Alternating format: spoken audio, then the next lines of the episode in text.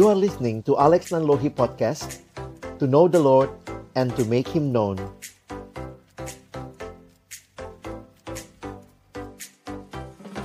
Baik, eh, selamat malam teman-teman yang dikasihi dalam Tuhan Yesus Kristus. Saya bersyukur buat kesempatan ini boleh sharing dengan teman-teman sekalian dan dalam kesempatan ini kita akan sama-sama belajar. Saya katakan kita sama-sama belajar karena tidak ada dari kita yang ahli dalam pandemi ya. Kecuali kamu bilang, oh saya hidup waktu itu tahun 1920-an pada waktu ada pandemi yang terjadi juga. Ini membuat kita tidak bisa hanya melihat diri kita sendiri, kita tidak bisa jadi orang yang merasa tahu semuanya, tapi ini kesempatan yang saya pikir baik untuk kita sama-sama belajar ya. Jadi mari sebelum kita akan masuk dalam materi malam hari ini, saya mengajak kita berdoa di hadapan Tuhan. Bapa di dalam surga kami bersyukur kesempatan belajar Tuhan kembali berikan.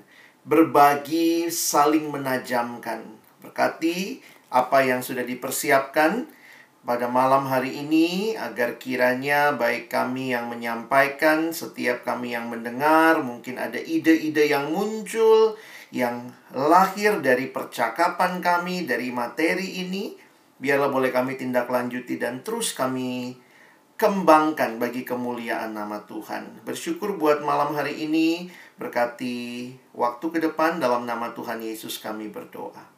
Amin. Ya, teman-teman yang dikasihi Tuhan, saya malam hari ini bersama dengan um, rekan saya, uh, Kak Ray, jadi saya minta khusus juga Kak Ray untuk boleh sharing karena di Jakarta uh, yang melayani mahasiswa secara khusus ini Kak Ray dan kawan-kawan. Jadi saya punya banyak uh, pengalaman di masa lalu ya. Tapi masa kini saya juga harus belajar terbuka untuk belajar dari teman-teman yang lebih muda yang memang juga lebih energik begitu ya. Jadi uh, tadi terpikir uh, pas Kak Ray juga bisa. Jadi nanti dia akan banyak sharing dari apa yang uh, kami coba lakukan ya. Teman-teman di Makassar juga lakukan sesuatu uh, di sini ada Kak Rudi, ada Kak Eko gitu ya. Dari setiap daerah pun di Perkantas kita sedang belajar melakukan sesuatu di tengah-tengah situasi ini ya. Kalian bisa uh, klik uh, presentasi saya. Jadi teman-teman kita nggak ada sekali lagi yang ahli dalam pelayanan corona ini. Jadi mari terbuka untuk belajar dan saya pikir juga kalian adalah orang-orang yang sebenarnya sangat energik yang merupakan sumber daya yang pas ya untuk kita sama-sama belajar uh, saling berbagi ide.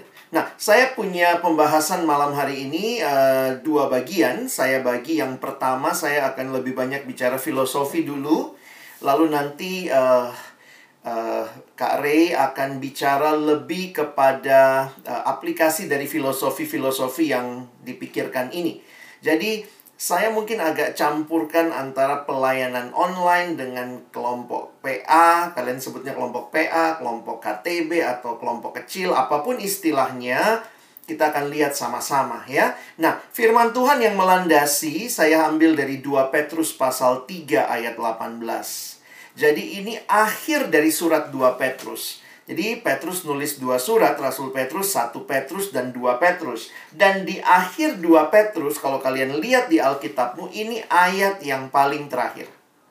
Jadi bagi kita menarik juga melihat ketika Petrus menutup suratnya, dia menutupnya dengan ayat ini. Saya tuliskan di screen, kalian bisa lihat tetapi, nah jadi sebenarnya nanti kalian lihat ya, ada kata atau ada bagian sebelumnya ini langsung dimulai dengan tetapi.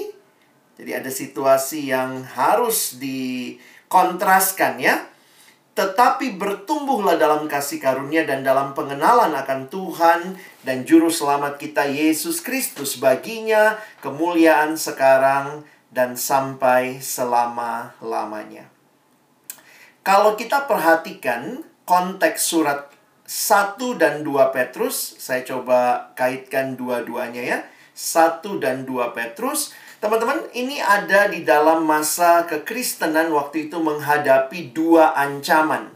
Dan ini teman-teman bisa perhatikan juga mirip dengan surat-surat Paulus, tapi memang ini lebih awal ya. Beberapa penafsir mengatakan berkaitan dengan surat 1 Petrus ada ancaman dari luar. Ancaman dari luar berupa penganiayaan dari pihak-pihak yang memiliki kebencian terhadap Tuhan Yesus dan para pengikutnya. Dan yang menarik kalau perhatikan di 1 Petrus, justru karena hidup mereka saleh, mereka dianiaya. Nah, jadi e, memang para penafsir mengatakan nampaknya konteks di 1 Petrus baru dibully. Mereka baru disindir, dikucilkan, belum sampai martir seperti yang terjadi dalam konteks surat 2 Timotius misalnya. Waktu itu Paulus sudah menghadapi uh, pemenjaraan dan bukan cuma Paulus banyak orang-orang percaya lainnya yang juga mengalami penyiksaan, penderitaan. Karena itu Paulus tulis surat 2 Timotius mengajak Timotius untuk ikutlah menderita. Surat 1 Petrus ini awal-awal penganiayaan. Tetapi bukan hanya dari luar, tetapi juga dari dalam gereja, dari dalam jemaat sendiri. Itu teman-teman bisa lihat lebih fokus di surat 2 Petrus. Di surat 2 Petrus ada ancaman dari ajaran-ajaran sesat yang mau merusak iman orang percaya. Jadi sebenarnya saya harus katakan begini, kenapa uh, waktu Kak Alex coba perhatikan surat Timotius misalnya, surat Petrus, semua situasinya krisis. Jadi jangan takut sebenarnya dengan krisis karena firman Tuhan yang disampaikan juga kepada kita banyak yang latar belakangnya tuh krisis. Memang krisisnya bisa beda-beda, ya. Pada waktu itu ini ya ada krisis ancaman dari luar, ancaman dari dalam. Kalau sekarang kita krisisnya karena corona begitu ya. Tetapi yang menarik adalah krisis-krisis ini membuat kita makin menyadari hal-hal yang esensi ya. Jadi saya jujur aja waktu merenungkan tentang krisis ini, saya makin melihat bahwa situasi krisis sebenarnya makin memurnikan kita akan apa sih hal yang penting. Dan itu akhirnya terjadi ya, ketika semua gereja juga mengalami pergumulan dan seterusnya. Sampai seorang teman saya, sosiolog, dia mengatakan, kita sedang mengalami reformasi gereja ya ini reformasi benar-benar direformasi. Ketika orang sudah mulai sibuk sama ritual, sibuk sama bangunan, sibuk sama gedung, ternyata kita bisa menyadari gereja itu bukan itunya ya. Tapi kita kembali ke lagu sekolah minggu. Gereja adalah orangnya. Ketika kita nggak bisa datang ke gedungnya, tetapi kita bisa beribadah di rumah. Karena itu perhatikan dalam situasi menghadapi ancaman penganiayaan dari luar, dari dalam ada pengajaran sesat, maka Petrus mengingatkan di akhir suratnya. Dia menutup dengan bagaimana bertahan, bertumbuhlah. Bertumbuhlah dalam kasih karunia, dalam pengenalan akan Tuhan dan Juru Selamat kita Yesus Kristus. Terus bertumbuh kenal Tuhan itu kunci bertahan dalam krisis. Dan di 1 Petrus 2 ada seruan yang mirip dengan itu dia mengatakan, dan jadilah sama seperti bayi yang baru lahir, yang selalu ingin akan air susu yang murni dan yang rohani, supaya olehnya kamu bertumbuh dan beroleh keselamatan. Jadi teman-teman mari sadari dengan baik pada waktu kita mengawali perenungan kita hari ini, kita sedang berbicara situasi krisis yang ternyata kalau saya juga refleksikan bagi kita, panggilannya sama. Teruslah bertumbuh karena itulah kunci kita bertahan di dalam krisis.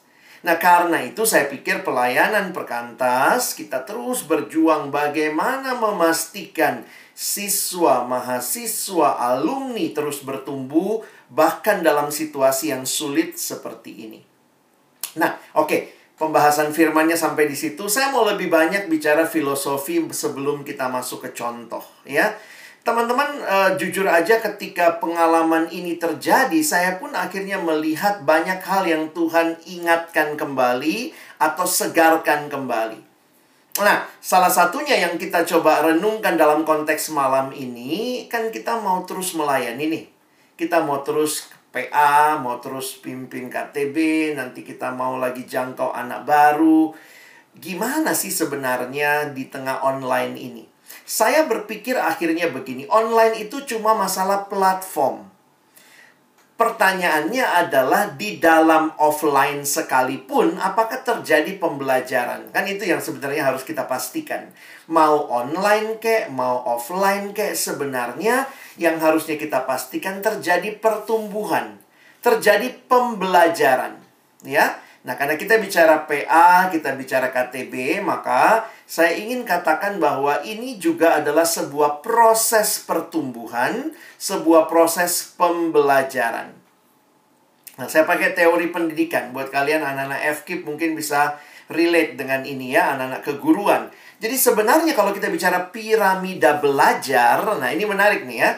Teman-teman pasti udah paham juga ya yang bagian atas 30% yang atas itu disebut dengan pembelajaran pasif dalam arti yang kita bisa apa ya kemampuan mengingat atau kemampuan mengingat apa yang kita pelajari kalau dari yang kita baca cuma 10%.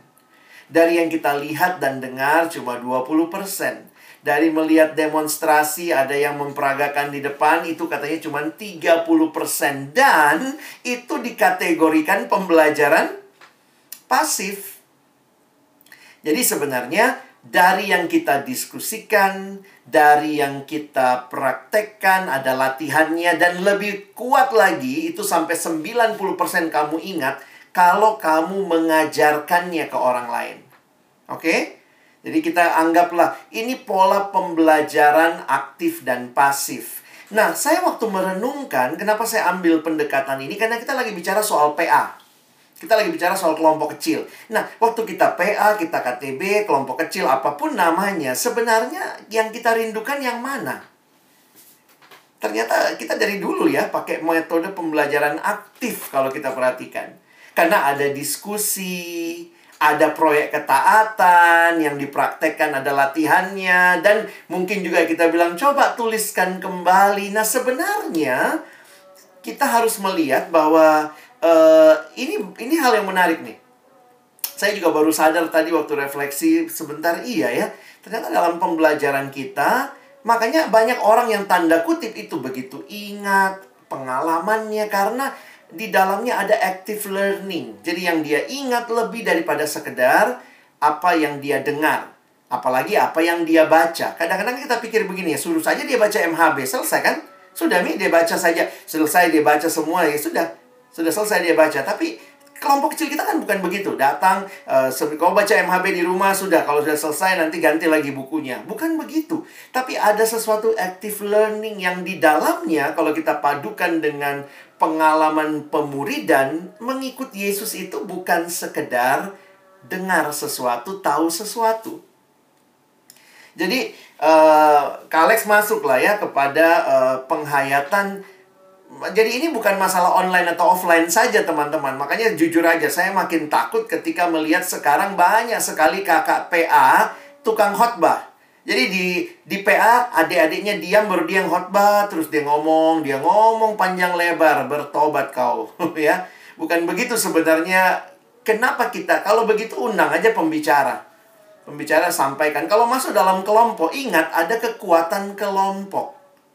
Ya, tapi anaknya tidak mau bicara. Itu bukan masalah nggak mau bicara. Kau harus cari cara menyuruh dia bicara.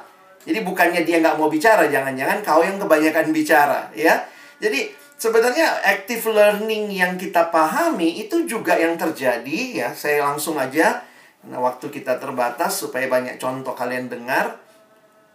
Pola atau metode yang Yesus pakai dalam pelayanannya, apa sih yang Yesus pakai dalam pelayanannya ya?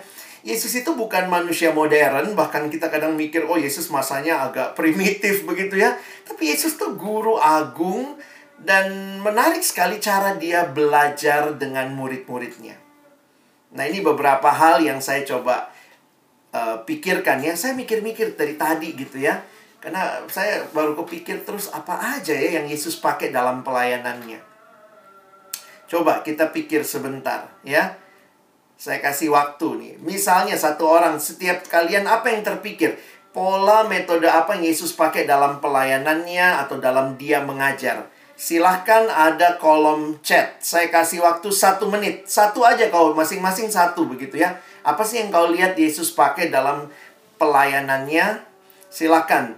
Satu hal yang kalian terpikir spontan. Nanti Kak Alex coba uh, bacakan. Ya. Silahkan. Satu aja. Jangan banyak-banyak ketiknya. Satu. Singkat. Apa yang terpikir. Hidup bersama. Good. Apalagi? Perumpamaan. Wis, mantap. Apalagi? Silakan. Di sini ada 76 orang. Kesederhanaan. Oke. Apalagi? Saya kasih waktu satu menit. Sesudah itu saya harus lanjut ya. Ada lagi? Metode diskusi. Dari mana kau tahu ada diskusi? Ada ya, Yesus tanya sama muridnya kan? Terbuka, menunjukkan teladan, diskusi. Jadi sahabat bagi murid-muridnya. PDKT pribadi, oh ya betul ya. Jadi sahabat juga menarik nih. Ada teletabis hari ini sama kita ya. Uh, makan bersama, weh ya. Jadi metodenya luar biasa ini. Banyak banyak hal yang bisa diajarkan di meja makan. Apalagi? Ayo, apa yang kalian terpikir lagi? Memancing bersama, yes. Mengikut sertakan muridnya dalam mengajar dan dalam banyak hal. Nah, ini kamu udah bisa kaitkan sama teori belajar tadi ya. Menarik nih. Yesus ikut sertakan muridnya ya Apalagi saya tunggu satu apa dua lagi sesudah itu saya coba tunjukkan slide saya. Ada lagi? Ini 80 orang kalau satu orang satu sebenarnya ada 80 ide ya yang kalian lihat dari Yesus. Ayo, apalagi yang terpikir? Oke. Baik, kalau belum ada lagi ya nggak apa-apa ya atau mungkin belum masuk di saya karena sinyal juga ya. Sekarang lihat teman-teman, apa yang kalian sebutkan tadi memang saya rangkum lah di dalam hal ini ya. Coba perhatikan. Dia ngajar juga, jangan pikir juga jadinya nggak ada pengajaran, ada pengajaran. Dia kasih penjelasan ayat ini maksudnya apa, firman Tuhan ini maksudnya apa, ada hal itu. Kasih ilustrasi, kasih perumpamaan, Menarik ya, Yesus tidak langsung bilang, kamu mesti begini, begini, begini. Tapi misalnya dia bilang, pandanglah burung-burung di langit. Pandanglah bunga bakung. Dia mau ngajarin apa? Baru nanti di bawahnya, jangan kamu khawatir. Jadi Yesus tuh merelasikan dengan alam, dengan hidup. Makanya menarik ya, kalau kita menyadari kelompok PA itu sebenarnya bukan program hidup itu. Ya bagi hidup. Kita sedang berjalan bersama bagi hidup kita gitu ya. Yesus mengajukan pertanyaan. Nanti perhatikan lah ya. Saya waktu memperhatikan ini menarik juga. Yesus tuh menanyakan pertanyaan. Ya, kalau ingat ya. Kan dia maha tahu ya. Harusnya kan dia bilang, mana itu lima roti dua ikan? Mana itu? Mana itu? Yesus tanya dulu. Apakah berapa banyak roti yang ada padamu? Atau berapa banyak yang ada padamu? Apa yang kamu punya? Wah, waktu saya merenungkan itu, iya ya. Yesus tuh banyak bertanya loh ya. Jadi untuk seorang tanda kutip Tuhan yang maha tahu waktu dia berjalan dengan dua orang murid dalam perjalanan ke Emmaus, dia nanya tuh, kalian lagi ngobrolin apa sih gitu ya? Dia menunjukkan dirinya sebagai orang yang peduli dengan mereka ya. Ini hidup bersamanya sebenarnya di situ ya. Nah, melibatkan mereka melakukan sesuatu kalian bisa lihat waktu mujizat kasih makan 5000 orang. Siapa asyirnya? Ya asyirnya murid-murid itu ya. Saya waktu pelatihan lalu kemudian Yesus setelah memberkati, memecah-mecahkan, dia membagikan kepada murid-muridnya untuk membagikan ke orang banyak. Jadi Yesus tuh apa ya? E, melatih murid-muridnya melayani. Mereka dilibatkan. Mereka bukan penonton, cuma lihat, nonton aja begitu ya. Yesus yang e, luar biasa jadi ini yang bisa kalian kaitkan dengan hidup bersama ya. Saya harus katakan begini.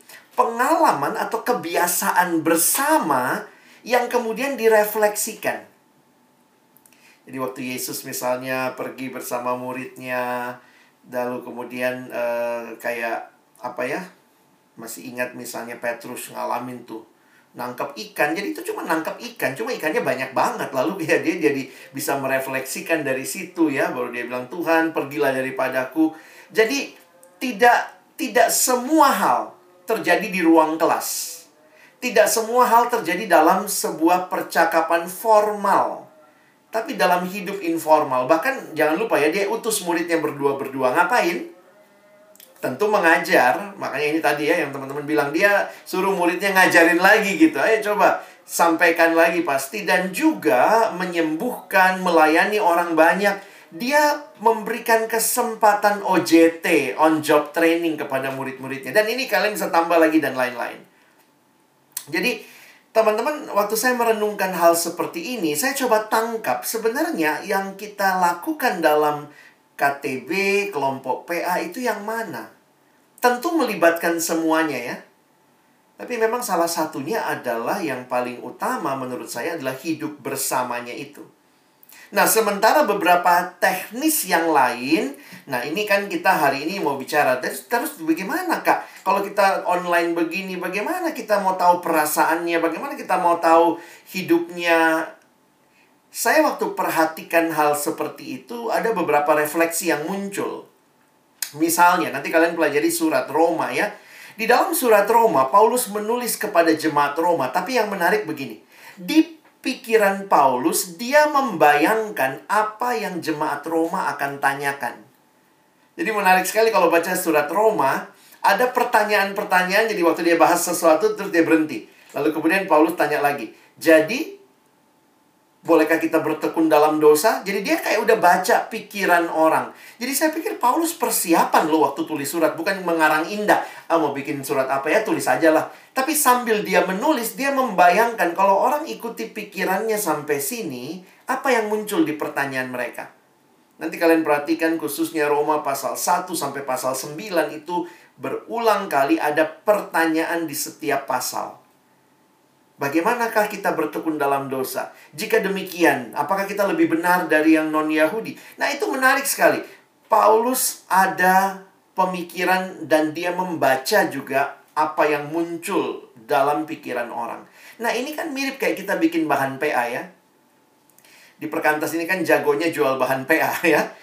Teman-teman kita kelompok kecil itu apa sebenarnya? Kelompok kecil itu kan menjawab pertanyaan tanda kutip. Sebenarnya apa sih asumsi di balik itu? Nah, saya pikir asumsinya ini. Di dalam buku-buku PA yang baik selalu kita dibilang begini ya. A good question is the key to unlock the heart. Atau kalau itu pasal ya, ter unlock the passage. Maksudnya waktu kita perhatikan, jadi bagaimana membangun relasi, tahu pergumulan orang. Sebenarnya salah satunya adalah belajar menanyakan pertanyaan dengan tepat. Jadi memang uh, jujur aja ya, kalau kalian jadi PKK, salah satu skill yang saya mau kalian bangun, belajar bertanya. Belajar tulis kalau kamu rasa kamu bukan tipe yang bisa bertanya. Saya waktu jadi PKK itu salah satu yang saya belajar disiplin diri saya adalah bertanya. Saya bikin pertanyaan. Kenapa? Saya suka ngomong. Saya suka sekali menjelaskan. Saya senang sekali memberitahu sama orang. Tapi saya sadar metode itu tidak membuat orang itu dewasa. Karena saya kasih tahu, ingat hati ya, kalau dengar itu cuma 20% teman-teman. Jadi sejak saya kelompok kecil itu saya ingat sekali sampai hari ini biasanya uh, teman-teman yang pernah kelompok kecil sama saya tuh suka bingung gitu. Kalau apalagi kalau saya udah nanya gitu. Kasih tahu aja sih jawabannya apa gitu ya. Kasih tahu aja jawabannya. Tapi saya belajar karena saya belajar dari Yesus, dari Paulus ya. Nanti lihat lagi retorika Paulus juga muncul di kitab Galatia juga itu beberapa pertanyaan. Jadi sebenarnya salah satu metode belajar adalah membuat pertanyaan. Bagaimana tahu perasaan adik kelompok kita? Bagaimana kita bisa sambung rasa dengan dia lagi online? Salah satunya tentu bagi saya adalah pertanyaan, ya. Kalau itu kaitan, lihatlah bahan PA kita pun sebenarnya yang kamu buat adalah pertanyaan. Nanti Bang Rey akan menjelaskan pertanyaan apa yang akan ditanyakan dan seterusnya. Nah, dari jenis pertanyaan sebenarnya ada beberapa, tapi ya ini tiga yang utama. Pertanyaan tertutup. Pertanyaan tertutup itu sebenarnya untuk menanyakan kepastian. Apakah kamu yakin dalam Yesus ada keselamatan? Itu jawabannya kan cuma dua, ya atau tidak. Nah, itu pertanyaan tertutup ya untuk menanyakan hal-hal berkaitan dengan kepastian. Kalau pertanyaan terbuka, itu membuka untuk diskusi.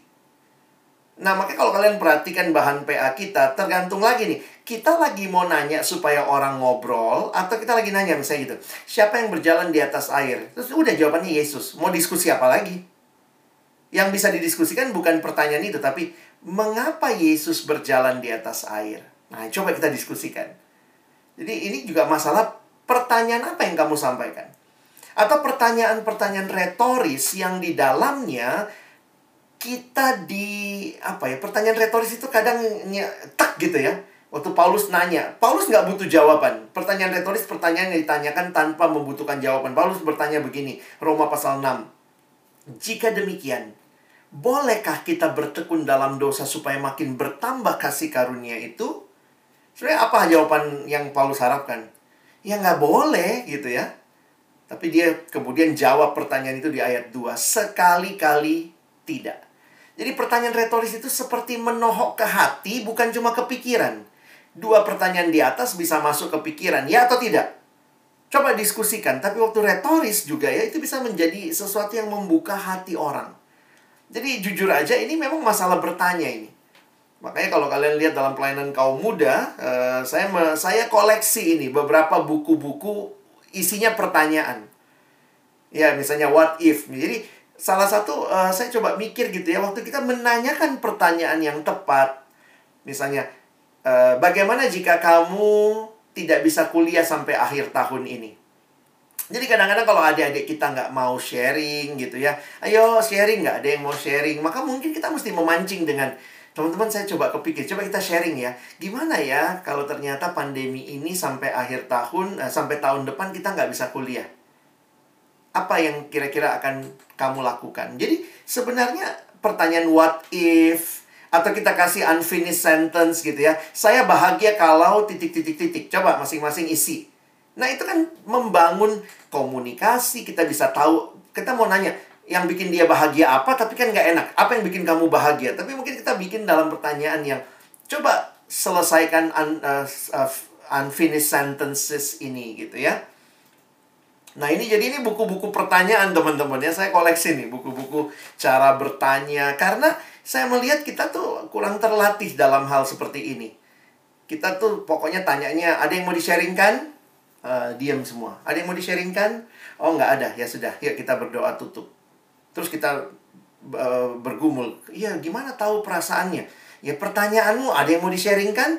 Kamu sendiri nggak mikir untuk bikin pertanyaan ya.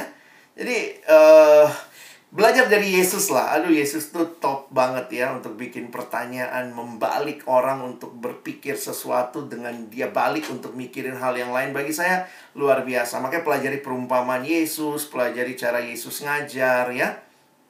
Nah, jadi teman-teman ini ini hal-hal yang bisa kita pikirkan waktu kita pelayanan ya. Nah, lebih jauh lagi relasi online. Nah, ini yang saya pikir juga kita harus ingat. Saya harus katakan dalam refleksi terhadap gereja, persekutuan, banyak persekutuan dan gereja hanya senang sudah melakukan ibadah online. Wah, dicek berapa yang hadir kayak hari ini. Wih, 80 yang hadir. Wih, kita punya kebaktian online 80 yang hadir. Ibadah online hari Minggu 120 jemaat yang hadir. Tapi lihat piramida ini. Ini piramida yang sebenarnya membentuk gereja. Ibadah raya itu sebenarnya paling puncak di atas ya. Gereja yang kuat bagi saya bukan yang cuma ibadah rayanya kuat. Tetapi ada kelompok-kelompok mediumnya. Maksudnya yang tengah gitu ya yang harusnya juga bisa menopang dan sebenarnya gereja yang kuat itu waktu pelayanan pribadinya jalan. Jadi jujur kadang-kadang saya berpikir terbaliknya begini. Kalaupun kita nggak ada kebaktian online, tapi kelompok PA kita semua jalan, maka sebenarnya persekutuan kita masih ada. Dibanding kalau saya balik.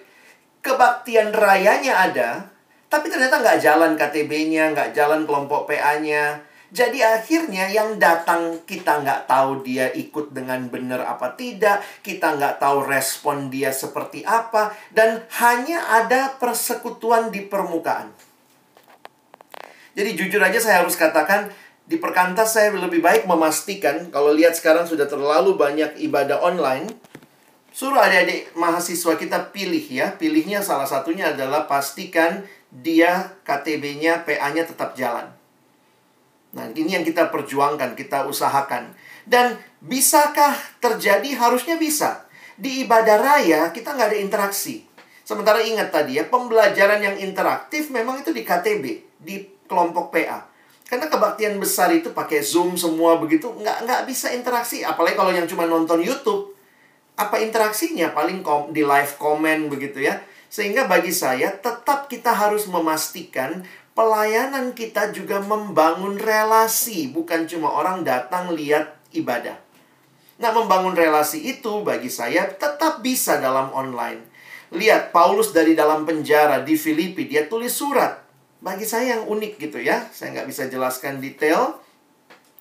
Tapi buat saya adalah menariknya di Filipi Paulus berdoa bagi jemaat. Kalau kalian lihat Filipi pasal 1 dia mengatakan ayat 5 aku mengucap syukur kepada Allahku karena persekutuanmu dalam berita Injil dari hari pertama sampai sekarang ini. Jadi teman-teman bisa bangun relasi, oh bisa Paulus juga bangun relasi dalam dengan jemaat Filipi. Caranya gimana? Berdoa. Jujur aja saya makin meyakini sebelum kita punya relasi fisik yang dekat dengan seseorang karena sering ketemu, sebenarnya kedekatan yang paling mendasar secara rohani adalah di dalam doa. Pastikan kamu berdoa. Dua Timotius juga, dia berdoa. Dia bilang, aku mengucap syukur kepada Allahku yang kulayani dengan hati nurani yang murni seperti yang dilakukan nenek moyangku. Dan aku selalu mengingat engkau dalam permohonanku baik siang maupun malam. Paulus di mana? Di penjara. Tapi hatinya ada untuk Timotius. Jangan dengan alasan social distancing tapi akhirnya kita pun tidak punya kedekatan. Ketika kita dalam doa, kita saling mendoakan. Prinsip relasi apa? Tetap diperjuangkan karena relasi itu bukan sekadar online atau offline. Dalam offline pun, kalau semua datang lalu semua masing-masing duduk lalu main HP sendiri-sendiri, kadang juga nggak terjadi persekutuan. Jadi kadang-kadang saya pikir uh, memang ada yang tidak tergantikan. Offline tidak tergantikan, online tidak tergantikan. Tapi dalam situasi seperti ini bagi saya prinsip relasi ya pakai semua media yang ada. Ya, pakai semua media yang ada. Pastikan ada engagement. Ada keterlibatan secara utuh dan bagi saya keterlibatan secara utuh itu memang dalam media-media yang lebih sifatnya atau sorry dalam dalam bentuk-bentuk persekutuan yang lebih personal ya kayak kelompok PA. Kalau ibadah hari Minggu tuh gimana mau engagement pribadinya? Emangnya pendetanya waktu khotbah dia nanya, "Bagaimana saat teduhmu? Bagaimana bagaimana jemaat yang dengar?" Gak bisa, dia pun gak tahu siapa yang dengar dengan baik atau dengar sambil nonton drama Korea yang lain atau seterusnya gitu ya. Dan juga karena itu pastikan ada mentoring personal. Dan ini terjadinya di mana bagi saya di KTB. KTB-KTB yang dipastikan berjalan, diperjuangkan, bahkan sekarang lagi menarik ya. Saya melihat ini udah mirip kita kayak kisah Rasul 2 ya, kejadian lagi tuh. Di kisah Rasul 2 kan waktu itu uh, jemaat berkumpul tiap-tiap hari. Sekarang kan bisa tiap-tiap hari ya di grup WA, kelompok KTB kita. Halo apa kabar? Hari ini ada nggak yang mau di-sharingkan? Sebenarnya jadi lebih lebih mirip perjanjian baru kita ya kumpul tiap-tiap hari gitu. Uh, itulah gereja yang sesungguhnya. Ketika gereja sudah menjadi seminggu sekali, gereja cuma menjadi ritual datang ke sebuah gedung. Sekarang Tuhan kayak nolong, enggak kok. Relasi itu bukan seminggu sekali. KTB juga kadang-kadang jadi relasi seminggu sekali loh tanpa sadar. Sekarang karena tiap hari kayaknya semua orang ngecek HP, kita bisa berelasi tiap hari gitu ya. Jadi jangan berpikir sekarang nggak bisa relasi. Ini sebuah perjalanan bersama, teman-teman. Jadi uh, poin saya adalah uh, mari perjuangkan relasi ini. Saya kadang berpikir begini ya, kenapa anak sekarang suka sekali dengan media sosial? Karena media sosial itu hadir dalam keseharian mereka. Media sosial itu memenuhi semua hukum-hukum yang tadi hukum melibatkan media sosial itu interaktif. Bukan cuma dia dengar, kita bisa kasih komen. Lihat ya, semua di media sosial itu pasti ada kolom komen. Ada kolom memberikan perasaan, like, emoticon. Jadi saya mikir-mikir harusnya kan PKK coba bermedia sosial dalam ber-KTB. Ya, ber-KTB dengan bermedia sosial begitu. Maksudnya seperti apa ya? Ini ini ada satu istilah yang dipakai epic generation. Jadi ada yang mengatakan ini sebenarnya epic generation. Ini singkatan dari ada uh, tiga empat kata ya. Sorry ini slide-nya belum muncul. Tapi uh, experiential, participatory, image driven and connected. Jadi poinnya adalah coba kita perjuangkan sama-sama hal-hal seperti ini terjadi di dalam KTB kita. Nah, kami berjuang sebenarnya dengan uh, ya filosofi ini saya pikir mencoba membuat bahan KTB yang lebih uh, relate sama generasi ini. Makanya ada experiential, bukan cuma dia belajar, tapi dia mengalami dan bahkan bisa membagikannya. Ada experiential, ada parsi, partisipatori bahwa dia dilibatkan. Jadi bukan cuma bahan dia ditanya nomor satu jawabnya apa nomor dua. Tapi dia misalnya dilibatkan dalam bagian tertentu ya. Disuruh nonton sesuatu ya image driven kadang-kadang kita menggunakan image atau cerita atau gambaran image itu nggak selamanya uh, simbol ya. Lihat aja ini generasi yang semua dengan emoticon. Apa perasaanmu hari ini? Nggak bisa ngomong lama ngomongnya. Tapi begitu coba cari emoticon apa yang mewakili perasaanmu hari ini. Langsung cepet tuh ya. Dan connected. Ini generasi yang mau connect satu sama lain. Jadi kalau kalian perhatikan ya kira-kira uh, kami mencoba membuatnya dalam bentuk PowerPoint. Jadi bahan KTB-nya diubah disulap jadi PowerPoint. Ya image driven begitu ya. Ada ada ada bagian lain yang dia bisa cek. Nonton YouTube ini lihat Spotify ini atau coba lihat Instagram ini gitu ya. Lalu kemudian juga kita ajak mereka mengekspresikan perasaannya. Kadang-kadang pakai gambar ya. Ini uh, Kak Ray kadang jadi ahlinya ini ya. Misalnya dia mulai dengan ayo coba pilih yang mana emosimu hari ini. Ya daripada kita suruh sharing dia nggak mau sharing tapi waktu dia suruh pilih emosi uh, saya kayaknya nomor tiga deh kak. Baru kita tanya kenapa kok nomor tiga? Jadi terjadi sharingnya begitu ya. Dan akhirnya ya kita menyadari ini uh, ya kebersamaan. Kita mau connect satu sama lain. Lihat loh bagaimana caranya connect. Lihat medsos. Medsos bikin tagar hashtag Hashtag itu untuk mengkonek orang. Kita belajar sesuatu, let us share. Kenapa? Waktu dia share, coba deh share di Instagrammu, pakai hashtag ini. Supaya dia terhubung, tapi juga itu adalah proses dia belajar. Dia ingat lagi belajar apa ini. Jadi ada waktu-waktu di mana kita kasih buat mereka juga sharing cerita mereka. Apa sih yang kamu alami, apa sih yang kamu rasakan. Nah, jadi kira-kira teman-teman ini tipsnya ya, ini filosofinya membuat KTB yang tetap terkonek, tetap jadi pembelajaran, tentu kita mesti berjuang. Nah, saya minta sekarang uh, kita lihat lagi gambar ini. Kan sebenarnya kita memastikan aja orang terus bertumbuh. Sehingga bahan kita mungkin karena online agak beda. Saya kadang suka sedih juga sih ya Eh, KTP online, apa yang kau lakukan? Iya, kita foto bahannya kak, kita foto MHB-nya, terus kita kirim PDF-nya sama orang-orang. Terus kita KTB mi, kau nomor satu, kau nomor dua. Saya pikir harus ada usaha lebih lah gitu ya untuk do something. Dan saya bersyukur teman-teman di Makassar sudah bikin bahan pipa, eh, bahan uh, penginjilan yang nanti teman-teman bisa dijelaskan ya. Nah, uh, saya minta Bang Ray untuk memberikan contoh-contoh yang kami di Jakarta sudah coba juga dipergumulkan, didoakan, dan akhirnya uh, minggu lalu apa dua minggu lalu kita launching sama mahasiswa ya. Silakan Bang Ray bisa sekalian juga me membagikan uh, filosofi di balik bahan ini ya. Silakan teman-teman bisa perhatikan.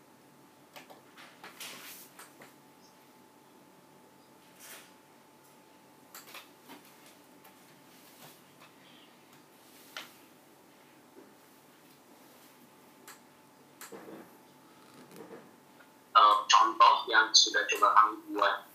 Uh, ini beberapa uh, contoh untuk uh, bahan KTP. Aku uh, atau aku contohin satu yang pipa lah ya. Ini contoh bahan pipa kami. Uh, kami bikin PowerPoint, jadi kami bikin uh, bentuknya uh, bahannya tuh PowerPoint, jadi bisa di share screen seperti ini. Pemimpin bisa share screen, dan anak-anak bisa lihat. Kami himbau buat mereka buka kitab, punya catatan, tapi bahannya itu bukan teks, bukan Word atau bukan PDF, tapi PPT supaya itu lebih visualnya lebih terpain apa engage gitu ya. Kami bahas dari misalnya ini contoh dari Lukas 15 uh, anak musuh anak sulung. Dan tentu dari judul gitu ya kami coba bikin yang menarik gitu ya. Uh, nggak cuma pipa Lukas 15 gitu ya kasih judul supaya mereka lebih masuk ke dalam sebuah cerita. Ini pertanyaan-pertanyaan pembuka. Karena kami tahu yang kami layani ini kebanyakan mereka seorang Kristen dan mungkin kamu juga sama. Sehingga ketika mau berbicara Injil kadang-kadang udah terlalu biasa gitu, udah terlalu ya percaya nggak Kristus Tuhan? Ya oh, udah tahu lah gitu Tuhan menyelamatkan. Nah, tapi kalau pipa gitu kita nanya dan pertanyaannya ya gitu coba bandingin. Menurutmu ada bedanya nggak sih Kristen sama agama lain yang kamu tahu? Kayak gitu. Uh, ini, ini kan pertanyaan menolong mereka melihat gitu bahwa sebenarnya apakah sama Kristen atau bukan Kristen.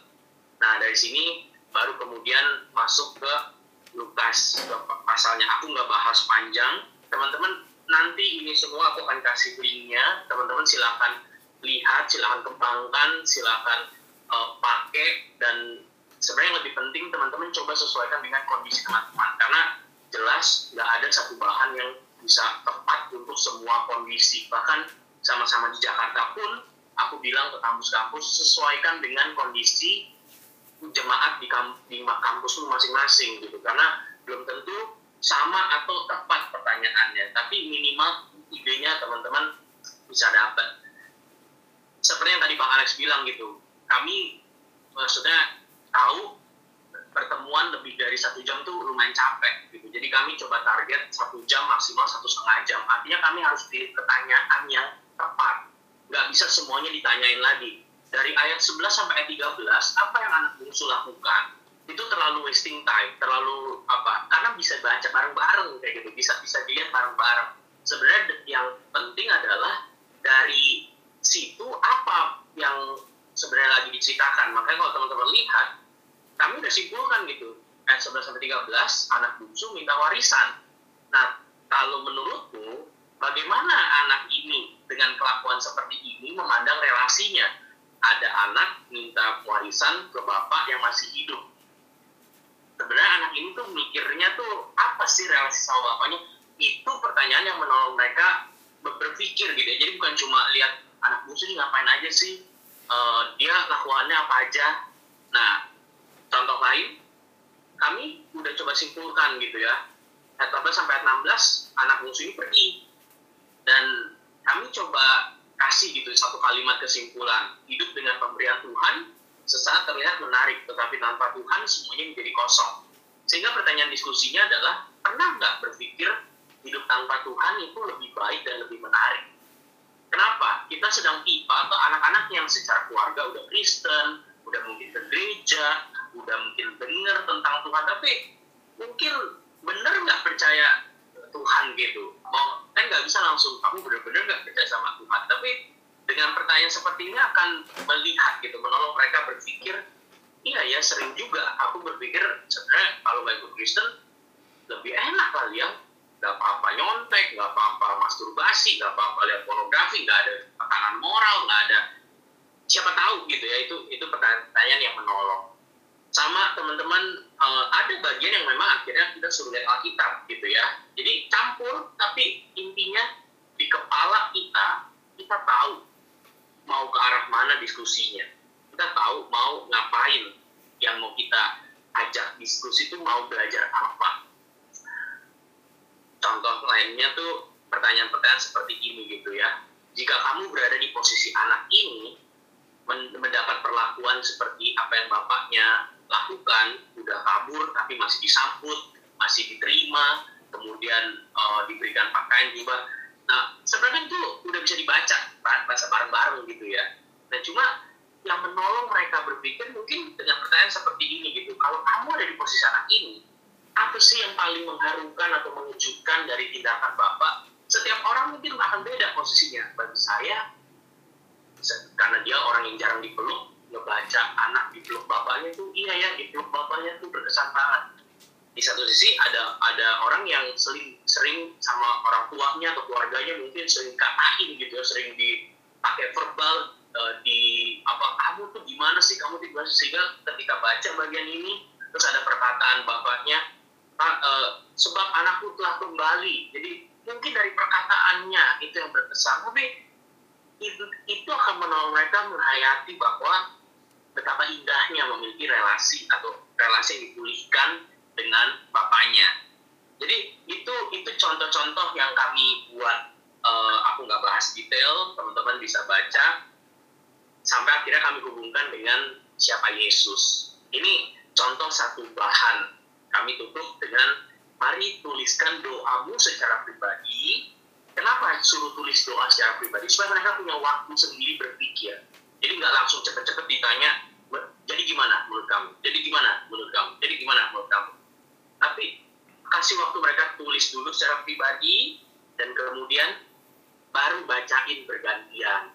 Itu akan menolong mereka nggak terdesak, nggak capek, apa-apa harus langsung jawab, apa-apa harus langsung ngomong, apa-apa harus langsung kasih respon, tapi kasih waktu buat diam dulu. Ini satu contoh, teman-teman aku share screen lagi beberapa contoh yang lain. Uh, ini contoh yang aku buat uh, tentang ini ya bab 10. Nah ini kan bab yang paling dinanti-nantikan ya uh, di MAB tentang uh, pasangan hidup kayak gitu. Teman-teman uh, caranya mungkin aduh kalau pasangan hidup dibahas online gimana tapi mungkin di awal-awal itu yang menjadi pergumulan kayak gitu Nah, aktivitasnya gimana? Ada ada bab-bab lain pakai video. Cuma kan kalau video semua tiap pertemuan capek juga ya nonton video respon, nonton video respon. Nah, gimana caranya? Uh, experientialnya. Jadi coba suruh setiap orang si siapin kertas dan kemudian gambarkan lelaki atau perempuan ideal kriteria. Jadi jangan mungkin nggak ngomong terus gitu ya. Kriteria lu apa kalau pasangan hidup? Dia yang rambutnya panjang bisa main musik apa cakep ganteng apa tapi pakai gambar kan mungkin dia jadi lucu gitu ya. Gambarin semua kriteriamu. Kemudian tapi jangan pakai huruf atau kata-kata mute mic kemudian uh, misalnya gambar pakai tab atau pakai kertas kemudian saling tunjukin giliran satu orang terus orang lain tebak apa itu gambarnya ya? Terus uh, oh apa lu demennya rambutnya panjang ya? Lu demennya ada ada teh lalat ya di TV ya kayak gitu-gitu. Jadi sederhana teman-teman. Ya kadang-kadang kita mikir ini anak SMA atau anak mahasiswa atau anak SD tapi mungkin ketika kuliah udah kesannya satu arah kuliah mungkin udah cuma denger doang kerjain tugas kumpul laporan mungkin kesempatan kelompok kecil yang begini itu akan jadi refreshing buat mereka gitu. Uh, ini aku nggak bahas penggaliannya, tapi kalian bisa lihat gitu kalimat yang pendek, kalimat kesimpulan udah dituliskan, jadi kita bisa bahas kalimat-kalimat tersebut. Uh, terus misalnya untuk pasangan hidup ada diskusi yang lebih apa dalam gitu ya, misalnya gimana tentang jomblo, ngomonginnya kriteria pasangan tapi sebenarnya kondisinya jomblo, gimana? Nah jadi ada diskusi jelek begini. Nggak setiap bab ada diskusi jelek gitu. Tapi kalau emang kita lihat pembahasan ini perlu diskusi yang lebih dalam atau misalnya diskusi jeleknya kaitin sama pornografi atau konten seksual atau romantisme yang berlebihan mempengaruhi cara pandangmu tentang pasangan dan sebagainya. Teman-teman ini contoh. Kemudian kalian berpikir aduh terlalu panjang nih kalau ini semua satu pertemuan. Makanya ide kami coba pecah. Nggak perlu mereka belajar di satu kali pertemuan. Pecahnya gimana? Perluas pembelajaran satu bab itu ke dalam relasi satu minggu. Contohnya sebelum masuk bab ini bab 10 tentang pasangan hidup mungkin pertanyaan tentang jomblo itu bisa kamu tanyakan di dua hari atau sehari sebelumnya.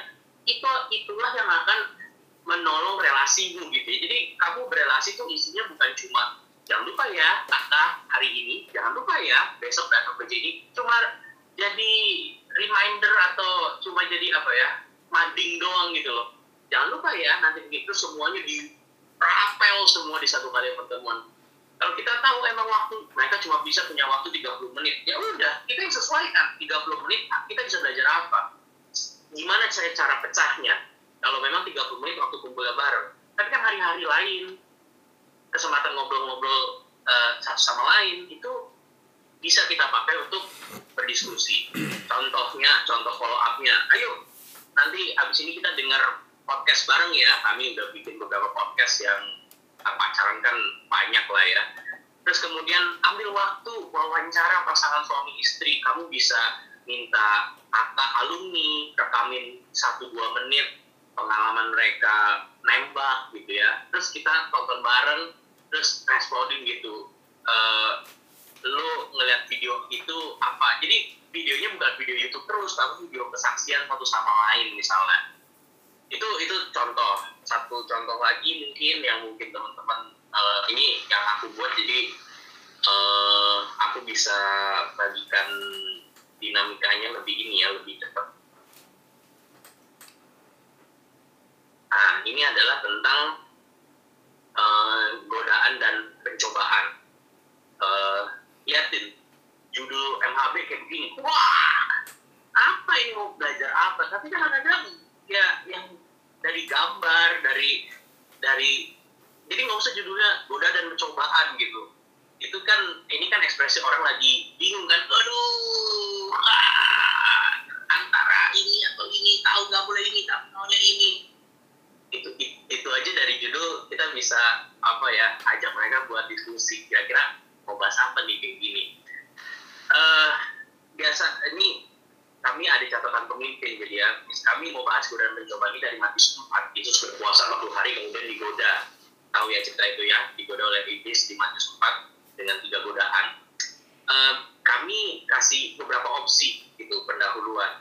Kalian bisa ajak dua hari berpuasa gitu ya. Puasa baik makan tentuin waktu atau mungkin dua hari puasa misalnya puasa Netflix, puasa uninstall IG, terus coba ngerasain dua hari gak pakai IG itu gimana gitu, terus kemudian di hari pertemuan sharing. Apa sih yang kamu cari? Waktu kamu gak bisa biasanya bisa cek IG, kamu tuh mikirnya ke arah mana, apa aja perasaan yang muncul selama menahan diri dan apa uh, menjaga diri gitu ya, jadi itu bisa jadi pembelajaran. Gak harus waktu pertemuan baru mulai belajar kayak gitu. Uh, ini contoh lain kayak gitu. Pendahuluan model yang lain. Misalnya coba tanya ke teman-teman sekitar godaan apa sih yang paling sering mereka temui? Jadi itu akan mendorong adik-adik kita juga uh, mau nanya gitu ya mau berelasi melatih mereka juga uh, berkomunitas. Atau uh, di catatan pemimpin saya kasih contoh kamu PKK minta PKK lain atau minta PKTB lain rekam kesaksian mereka dua menit dan kemudian kamu puterin kan gak enak dong kalau kita sendiri rekam diri kita terus kita nonton video kita sendiri. Mungkin kan aduh awkward.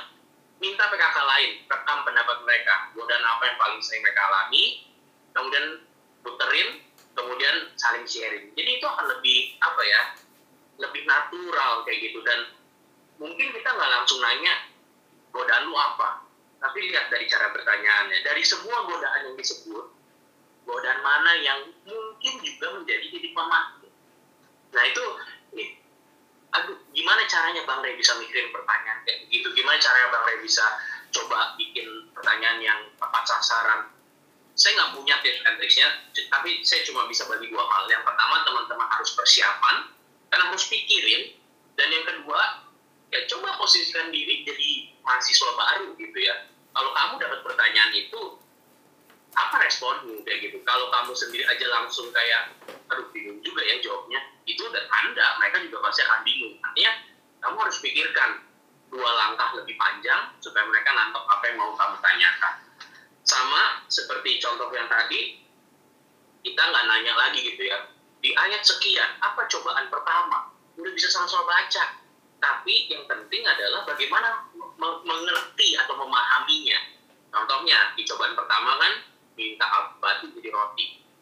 Lalu pertanyaannya jadi menarik gitu ya. Yesus emang lapar. Sebenarnya wajar banget kan kalau Yesus akhirnya mengubah batu jadi roti. Emang udah emang emang lagi lapar dan itu wajar dilakukan. Tapi Yesus menolak. Terus kemudian keluar kalimat manusia itu dari setiap firman yang keluar dari mulut Allah. Pertanyaannya jadi apa sih inti percobaannya? Kondisi lagi lapar, diminta ubah batu jadi roti, kan fair, fair, fair aja. Ini sebenarnya kenapa, kenapa Yesus menolak? Nah teman-teman, bagaimana kalian bisa membuat pertanyaan ini? Mau kamu kalian kita mesti persiapan, gali Alkitab, dan kemudian gimana membuat diskusi supaya adik-adik kita masuk ke sana tanpa harus kita yang mengajarkan. Artinya kita bikin pertanyaan. Jadi teman-teman ini contoh-contoh saja. Aku nggak bahas detail. Sama pertanyaan kedua, uh, percobaan kedua gitu ya. Dikutip firman Tuhan, Tuhan akan jagain. Kemudian Yesus di atas diajak ke atas hubungan, suruh jatuhin diri, pasti akan ada yang menyelamatkan. Sekilas fair-fair aja, terlihat nggak ada yang salah. Tapi lagi-lagi Yesus nggak melakukannya. Kalau Yesus nggak melakukannya, pertanyaan waktu itu kenapa? Kenapa Yesus menganggap ini suatu pelanggaran atau suatu pencobaan yang nggak harus ditaati? Teman-teman, itu pertanyaan yang yang yang menolong mereka jadi nggak cuma dari ayat sekian sampai sekian apa yang iblis tawarkan. Kemudian penjelasannya kita ngomong dari sekian sampai sekian apa yang apa yang iblis tawarkan. Kemudian penjelasannya kita ngomong. Padahal mungkin sebenarnya yang membuat menarik adalah alasan di belakangnya dan itu yang sebenarnya bisa menjadi diskusi. Nah, itu contoh-contoh aja teman-teman. Aku nggak panjang. Aku uh, uh, bagikan yang terakhir. Aku akan share linknya di aku akan share linknya di uh, grup chat. Uh, teman-teman kami bikin di satu link ini bit.ly slash pmb slash kakak online itu isinya ada empat folder utama teman-teman silahkan cek bahan kakak ada 16 topik bahan pipa ada 8 topik dengan masing-masing bab itu catatan atau arah pemimpinnya kemudian ada dua lagi diskusi online diskusi penjangkauan aku nggak bahas sekarang kalian nanti bisa cek kalian bisa lihat rekaman PMKJ aku akan share juga link untuk mendownload PDF-nya. Tapi intinya, ini ada beberapa bahannya, judul-judulnya, ada delapan. Tujuannya bukan masalah teman-teman yang penting pakai ini. Tapi teman-teman bisa lihat yang mana yang paling tepat buat kakak kamu, yang mana yang perlu disesuaikan. Kalian bikin versi kalian, kerangkanya bisa ambil dari sini, bisa campur comot sana sini tapi yang penting kita mau menyampaikan firman dan mau mendampingi. Ini 16 topik untuk bahan kelompok kecil, topik dari keluarga, ketuhanan Kristus, berhala, belajar PA, bersaksi, godaan pencobaan, persekutuan, mengetahui kehendak Tuhan, menggunakan medsos, pasangan hidup, melayani. Teman-teman, uh, aku kasih gambar gitu ya SpongeBob uh, Patrick di kiri.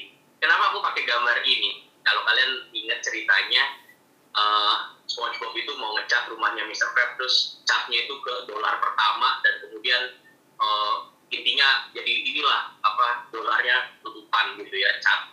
Kemudian Patrick bilang jangan panik SpongeBob, kita punya teknologi. Dia bawa lo komputer. Tapi apa yang dia lakukan? komputer itu dipakai caranya tuh bukan di scan, bukan di print, tapi dibanting-banting di atas duitnya. Artinya apa? Kadang-kadang kita punya modalnya, Zoom meeting, Google Meet, bahkan online, tapi attitude kita, cara kita itu masih ya caveman gitu ya, dipukul-pukul terus dipukul-pukul. Teman-teman saya berdoa, apa pun terobosan yang teman-teman bisa buat, apa pun hal-hal inovasi yang teman-teman buat, tapi attitude kita juga berubah, berinovasi. Di masa digital ini, kita lebih perlu banyak mendengar, lebih perlu banyak bertanya, lebih perlu banyak waktu pribadi mungkin. Tapi itu semua, itulah extra effort kita untuk melayani mereka. Itu aja dari aku. Uh, aku kembalikan ke Alex, nanti okay. setelah Bang Alex, aku akan share Terima kasih teman-teman. Thank you, uh, Bang Ray. Jadi uh, ini bahan sudah jadi semua. Ada yang bisa kalian mau pakai boleh, mau ambil kerangkanya boleh. kami sudah satukan ini yang uh, respon yang dilakukan staff untuk benar-benar di di Jakarta khususnya melihat membangun uh, pelayanan ini ya. Jadi uh, saya bersyukur saya nggak ikut bikin bahan. uh, ini semua staff-staff yang lebih muda dan ya di sini kerjasamanya lah ya bahwa kita banyak diskusi filosofinya dapat lalu teman-teman yang lebih muda yang ada di lapangan kontak langsung itu bisa dekat dengan mahasiswa dan tahu ya apa yang jadi kebutuhan. Nah, silahkan teman-teman dalam waktu yang ada, kalau mungkin ada yang ingin bertanya, ingin penajaman, apa yang saya bisa jawab, ada Bang Ray juga, nanti dia juga bisa bantu menjawab. Silahkan. Apakah ada pertanyaan?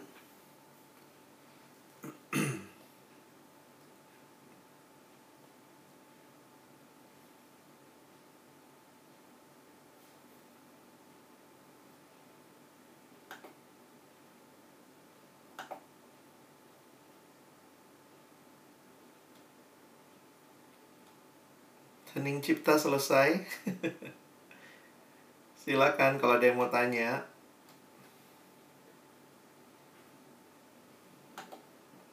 Kakak-kakak dan teman-teman yang mau bertanya silahkan bisa langsung aktifkan mic-nya atau bisa lewat chat. Oke. Okay.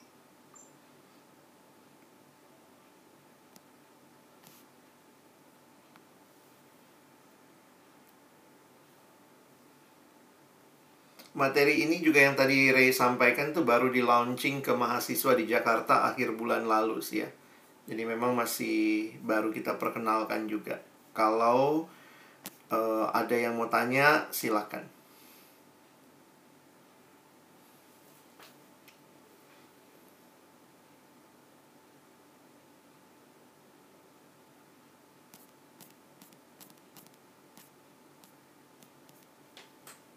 Saya tambahkan satu hal kali ya dalam uh, terakhir kita ada di YouVersion ya. Silakan teman-teman yang mau ini juga bisa menolong kita belajar satu topik tapi kita belajarnya justru bukan di pertemuan tapi misalnya setiap hari ya uh, perkantas kami dari tim nasional juga sudah memasukkan materi ini ke YouVersion Bible harus aplikasinya di download.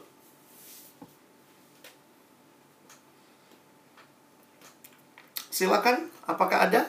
Kalau tidak, ya tidak apa-apa juga. Semoga sudah jelas. Kita kapan-kapan butuh training kali ya, nanti training membuat pertanyaan gitu itu kalau saya sama Ray uh, suka tektokan ya. Jadi misalnya kalau dia lemparin pertanyaan kita coba diskusi ini. Kalau orang ditanya ini jawabnya apa? Saya nggak mau mereka jawab itu. Maunya jawabnya ini. Gimana langkahnya ke situ? Nah itu uh, memang sulit ya. Dan mesti diuji coba. Ini bahan ini semua belum diuji coba khusus ya. Baru di antara kami. Jadi uh, iya benar ya kak Eko ya. Generasi ini banyak yang textbook. Soalnya di kampus kita masih belajarnya begitu juga sih Silakan. Kak, ini Evita. Iya, silakan, Dek. Uh, ya, saya Reski dari Makassar, Bang. Nih, mau bertanya uh, mengenai kondisi kelompok kecil sih, Kak. Dalam, yeah. itu kan dalam, uh, ada dalam satu grup. Nah, biasanya sih kalau ngechat uh, di grup nih sampaikan atau mungkin ngajak PA atau pertemuan, tapi uh, slow respon malahan nggak ada yang nggak mau respon. Gimana nih bang? Yeah. untuk mengatasi hal kayak gitu. Kasih thank you. Pengalaman saya jangan chat di grup sih. Mungkin lebih baik chat pribadi ya ke orang-orangnya. Jadi maksudnya saya tetap meyakini lah ada grup KTB atau grup PA tapi sebaiknya chat pribadi. Kalau itu pun dia nggak respon ya mungkin setia aja setia aja tiap hari chat gitu. Eh, saya nggak tahu lah ya bagaimana respon orang beda-beda. Cuma apa ya dalam pengalaman saya eh, ya saya lakukan itu sih. Nggak tahu juga kalau teman-teman merasa itu dibutuhkan. Poinnya begini um, tunjukkan perhatianmu dengan tulus. Tentu bawa dalam doa. Kalau tidak direspon jangan baper, tapi terus kontak begitu ya. Mana tahu dia nggak respon karena mungkin memang ada hal yang terjadi. Jadi poinnya jangan menyerah lah ya. Kalau perlu ya cari tahu kenapa dia nggak respon. Tapi lebih jauh adalah kekonsistenan untuk memperhatikan kali ya. Kalau saya sih lihatnya begitu. generasi sekarang jangan mudah menyerah ya waktu orang nggak respon sekali sudah langsung rasanya dunia runtuh jangan Ray ada masukan? Iya, uh, kami juga bahas itu gitu ya di pertemuan pertama. Aduh, gimana kalau misalnya dilakukan kontak pertama gitu ya dengan adik-adik kelompok kecil. Memang di grup itu supaya lebih gampang. Uh, tapi jangan berharap uh, di grup itu semua merespon pasti cuma baca cuma read doang kalau mau respon dengan kerendahan hati samperin satu-satu beda cuma jarkom doang sama sebut nama di depan. Jadi kami sampai sampai ajak gitu ya uh, gak apa-apa di grup bikin blast jarkom. Tapi bagi-bagi 40 nama dibagi ke pengurus 5 jadi masing-masing pegang 8 orang. 8 orang itu kasih ajakan tapi bukan kalimat jarkom panggil nama mereka tanya kabar kemudian bagikan infonya. Jadi memang mau nggak mau di situ ekstra effortnya. Karena kita membangun relasi tanpa bertemu dan emang inilah ekstra effortnya kita. Dan dengan dibagi-bagi itu menolong kita mendoakan rutin mendoakan. Karena ya tetap meyakini Tuhan yang menggerakkan hati. Jadi uh, make it personal kayak gitu ya. Eh, justru jadikan itu personal ketika nggak dibales doakan. Ketika masih nggak dibales doakan lagi. Kalau dibales lagi ya udah nggak apa-apa. Kan hak membalas itu ya di dia. Yang penting kita sudah menyampaikan atau mencoba mengajak bahwa kita uh, mau bareng-bareng. Okay. itu dari aku bang Alex. Thank you. Ada pertanyaan nih uh, dari Evita ya, Kak, bagaimana cara menghadapi kejenuhan dalam KTB atau pertemuan online? Prinsipnya adalah KISS. K-I-S-S, keep it short and simple. Jadi sebenarnya memang pertemuan online itu biasanya lebih lebih pendek dari pertemuan yang normal. Makanya uh, itu yang karena karena pemikiran itulah kami juga berpikir untuk membuat bahan baru. Bukannya MHB nggak cukup ya, tapi bagaimana kita bahas MHB tapi kita kalimatkan ulang, kita tanyakan dengan ini kita buatin PowerPoint-nya. Poinnya sebenarnya itu. Jadi biar lebih singkat, lebih simple. Tapi ya kalau itu pun masih dianggap jenuh, saya pikir ya jangan-jangan juga mungkin ya kita mesti belajar doain kali ya. Doain. Saya melihat uh, pelayanan doa tuh makin penting lah. Karena kita makin sadar bukan kita yang bisa ubah hati orang tapi Tuhan. Ini kan upaya kita untuk membuatnya menjadi menarik menjadi relevan. Tapi di balik semua itu saya pikir uh, pemimpin PA yang yang baik adalah yang maju dengan lututnya ya bukan cuma dengan otaknya yang pintar kreativitasnya tapi dengan lututnya yang memohon kepada Tuhan untuk perubahan hidup dari adik-adik yang dia pimpin. Begitu Aku kan? sharing dikit kali ya. Boleh? Uh, menurutku, terima kasih Evita buat pertanyaannya. Menurutku eh, nggak uh, ada nggak ada solusi pendek uh, bagaimana mengatasi kejenuhan. Tapi sederhananya beginilah, ada banyak hal yang kita lakukan berulang kok dalam hidup gitu ya. Makan, uh, itu kita nggak pernah bosan makan gitu ya. Ada masanya bosen kalau ternyata lauknya sama-sama terus. Tapi karena karena lauknya sama terus kan kita mulai coba ganti lauk lah. Atau me, kayaknya lauknya berbeda tapi sekarang di rumah terus. Aduh bosen. Jadi enakan sekali makan mungkin sama teman dan sebagainya. Jadi kita pasti ngalamin kebosanan ngalamin hal berulang tapi harus coba cari cara berbeda. Jadi jangan takut kalau misalnya uh, pasti akan ada masa-masa jenuh. Karena itu kita mesti persiapan. Nah, aku ngajak teman-teman juga karena itu uh, semoga terlihat. Karena itu teman-teman buat rencana satu semester gitu. Jangan cuma ya udahlah lihat minggu depan bahas apa. Ya udahlah lihat minggu depan bahas apa.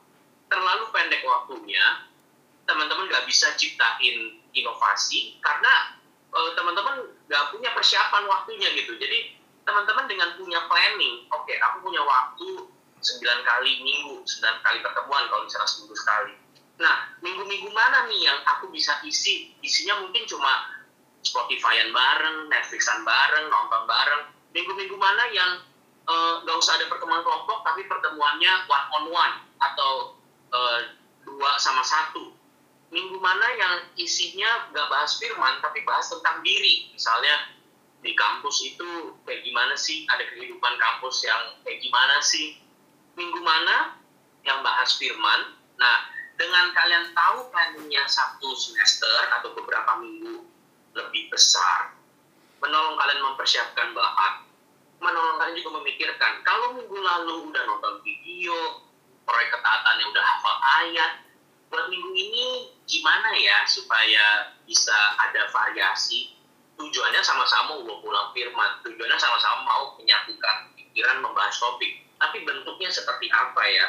Dengan teman-teman punya satu semester kalian bisa tahu topik ini lebih tepatnya video karena video ini udah bagus banget nih kalau begitu minggu sebelumnya apa ya supaya brainstormingnya atau pendahuluannya yang menyatukan pikiran tapi jangan video lagi karena minggu depan tahu topik itu tuh videonya tuh udah pas banget udah bagus banget dan penting banget jadi kalau memang dengan kalian bisa planningin itu akan menolong teman-teman bisa mempersiapkan lebih baik. Jadi uh, dan jadi kalian bisa bisa gimana ya bisa mempersiapkan menunya karena kalian bikin menu cateringnya satu bulan. Kayak gitu. Teman-teman bisa persiapkan lebih baik dan itu akan menolong kalian sendiri juga lebih excited. Kalau anak adik adik-adik gitu ya diajak kelompok kecil kakaknya juga nggak excited oke okay, sekarang kita lihat video lah ya. Terus gimana? Apa pendapat kalian? Kalau kalian sendiri kita sendiri juga nggak excited nadanya mohon maaf. Mereka pasti juga berasa. Kontennya sebagus apa pun tapi kita sendiri juga nggak nggak apa ya nggak excited mau denger gitu ya pengen bahas hal ini pasti mereka bisa bedakan. Karena itu persiap persiapan lebih panjang atau apa planning lebih utuh menolong kalian bisa lebih peka. Kadang-kadang udah umi UTS aduh udah capek. Berubah deh. Jangan udah lagi capek jangan bahas yang terlalu panjang. Kalian nggak kagok gitu. Kalian bisa oke okay, diubah sekarang minggu ini lagi capek ya udah ngobrol sharing biasa minggu depan jadi masuk bahannya. Jadi bukan hanya ya udah jalan mau bahas apa mau bahas apa berikutnya. Itu mungkin masukan dariku. Terima kasih aku balik ke bang Alex. Baik uh, saya harap semoga apa yang teman-teman dengar juga jadi pembelajaran buat kita ya. Sekali lagi nggak ada dari kita yang sudah ahli sekali. Jadi mari berbagi ide berbagi cerita dan nanti ke depan saya pikir juga teman-teman di uh, Makassar juga sudah buat sesuatu yang kita juga bisa pakai dan ini yang kita harus uh, kembangkan. Saya makin melihat pemimpin KTB itu jadi orang tua yang kalau membesarkan anak itu nggak ada buku panduannya ya. Jadi mungkin buat anak yang ini ya begini caranya, buat anak yang itu begitu caranya. Makanya ketika perkantas kita mengatakan kita melihat kurikulum berdasarkan profil, maka bukan lagi kurikulum berdasarkan bahan. Habis bahan ini, bab ini. Habis bab ini, bab ini. Kita bisa bermain cantik dengan babnya. Karena yang kita mau capai adalah, yang kita mau bentuk adalah profilnya. Sehingga bagaimana bab itu diberikan, variasinya apa, kombinasinya apa, sangat dibutuhkan oleh teman-teman yang berpikir dalam, berdoa dan mengusahakan ya. Baik, eh, kami terbuka kalau ada yang masih mau diskusi nanti di waktu yang lain bisa kontak ke Bang Ray, ke saya begitu ya untuk materi-materi semua sudah ada di YouTube saya di PMKJ itu yang eh, link yang dikasih ya. Jadi berharap teman-teman bisa dapat ide juga dari situ dari materi yang lebih dijelaskan lebih panjang. Saya tutup dalam doa dulu ya. Mari kita berdoa. Bapak Surgawi, terima kasih kesempatan kami belajar baik filosofi, contoh praktis melayani generasi ini. Kami sadar betul kami terbatas, Tetapi di dalam anugerahmu kami bersyukur karena Tuhan memimpin, Tuhan menolong kami. Karena cintamu yang besar buat mahasiswa di kampus kami masing-masing. Tuhan mau kami juga terus mengembangkan diri supaya bisa melayani mereka lebih baik di kampus kami, di kota kami masing-masing. Hamba bersyukur sekali lagi untuk kesempatan ini, tolong kami bukan cuma jadi pendengar firman, tapi jadi pelaku-pelaku firman-Mu. Dalam nama Yesus kami berdoa, kami bersyukur. Amin.